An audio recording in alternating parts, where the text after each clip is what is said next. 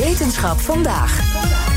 Met een nieuwe methode lukt het onderzoekers beter en makkelijker om iemands biologische klok te bepalen. En dat kan ons helpen gezonder te leven. Daar gaan we over praten met wetenschapsredacteur Carlijn Meinders. Hey Carlijn. Hoi. Ja, om te beginnen, wat bedoelen we ook weer precies met die biologische klok? Gaan we meteen even naar onderzoeker Roelof Hut van de Rijksuniversiteit Groningen. We hebben het over de biologische klok. En dat, klopt eigenlijk ook wel. Er zit een soort centrale klok in de hypothalamus van ons brein. Die vooral uh, met de licht-donkercyclus synchroniseert. Maar die klok die bestuurt eigenlijk alle andere klokjes in ons lijf aan. Je, de lever heeft ook een biologische klok. En de nieren. En eigenlijk elk orgaan. We hebben bijvoorbeeld gevonden dat uh, de biologische klok van de longen uh, sterk onder invloed staat en kan verschuiven door bijvoorbeeld stress de nieren ook. Maar de levenklok die luistert weer veel meer naar wanneer je eet. Hmm. Dus die klokjes zijn eigenlijk op verschillende manieren te beïnvloeden.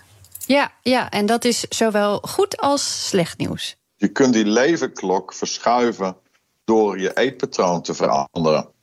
En dat is een nadeel. Als je, als je midden in de nacht een, uh, een lekkere hamburger neemt als je, als je zeg maar, uh, uit bent geweest of zo. Want daar krijgt die leverklok een tik van, waardoor dat je spijsvertering verandert, maar ook je vetopslag bijvoorbeeld verandert.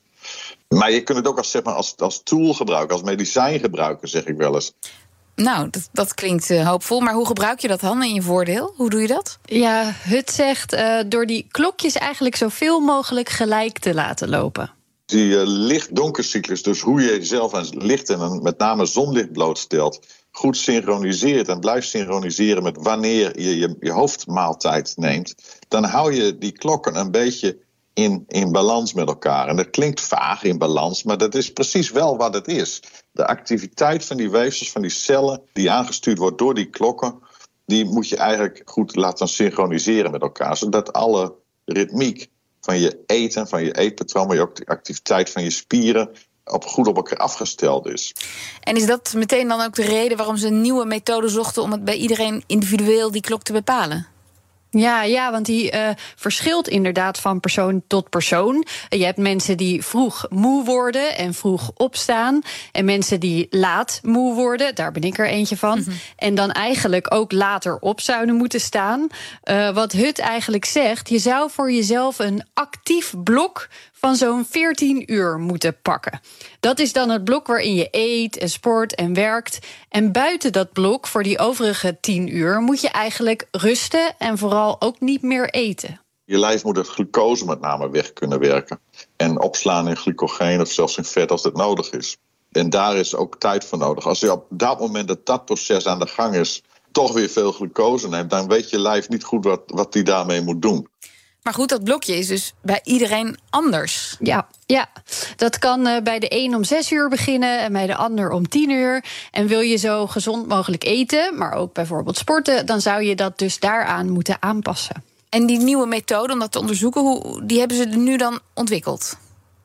Uh, ja, uh, je, je kunt aan de hand van de aanmaak van melatonine bijvoorbeeld veel zeggen over die klok bij iemand. Dat gebeurt al. Hè? Uh, dat, dat laat een beetje zien wanneer, wanneer je dat begint aan te maken. Zegt ook wat over je biologische ja. klok. Maar ze wilden dat eigenlijk nog beter kunnen bepalen. En makkelijker ook. Want het meten van die melatonine, dat moet dan in bepaalde lichtcondities, in het lab, acht uur elke elk uur eigenlijk het liefst. Dus dat is best ingewikkeld. Dus zijn ze gaan kijken naar het metaboloom, uh, de honderden stofjes van de stofwisseling in je bloed eigenlijk. En dat deden ze dan met een massa-spectrometer. En zo uh, kun je eigenlijk alle stofjes wel van elkaar onderscheiden. En weet je precies welk piekje waar komt. En de hoogte van het piekje zegt dan hoeveel van het stofje er in het, in het bloed zit. En, en dan zie je, als je dan die piekjes zeg maar, volgt in de tijd, als je bij proefpersonen over in dit geval anderhalve dag die hoogte van die piekjes van een bepaald stofje volgt, dan zie je dat zo'n stofje concentratie toeneemt en even later weer afneemt. Maar een ander stofje doet dat weer op een ander moment van de dag. Dat hij gaat pieken en gaat oplopen en, en daarna weer afnemen. En toen dachten we van, kijk eens, daar zit natuurlijk informatie in. We kunnen eigenlijk, als we naar de verschillende hoogte van verschillende stofjes kijken, kunnen we eigenlijk aflezen wat de stand van de biologische klok in het lichaam is. En hoe kunnen we dat dan straks in de praktijk gaan gebruiken? Dat meten? Nou, je zou, ja, je zou kunnen bedenken dat je, nou ja, dat je het makkelijker kan laten uitzoeken straks.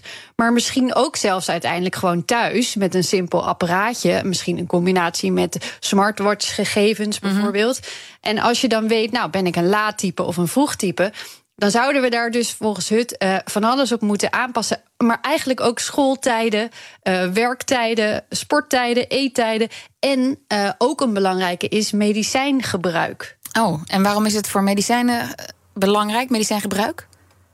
Een medicijn werkt niet op ieder moment van de dag, op ieder uur van jouw klokje hetzelfde. Dus ook Aha. dat zouden we kunnen verbeteren als we daar meer over weten per persoon. Maar we weten ook dat alleen al het in balans houden van die biologische klok van groot belang is. Hè. Doe je dat lange tijd niet, dan heb je meer kans op allerlei ziektes en klachten, hart- en vaatziekten onder andere. Dus hoe beter je weet wat jouw klokkie is, hoe beter je kunt letten op je gezondheid. Eh, mijn blokje van 14 uur begint eh, vanaf nu altijd om 10 uur. Dus gelieve mij niet meer voor die tijd te storen. Eh, al dus mijn biologische klokjes. Carlijn, s ochtends niet bellen dus. Dankjewel, Carlijn Mijn. Bij BNR ben je altijd als eerste op de hoogte van het laatste nieuws. Luister dagelijks live via internet. Bas van Werven. En heel langzaam komt de zon op rond dit tijdstip. Je krijgt inzicht in de dag die komt op BNR, het Binnenhof in Nederland en de rest van de wereld. De Ochtendspits. Voor de beste start van je werkdag. Blijf scherp en mis niets.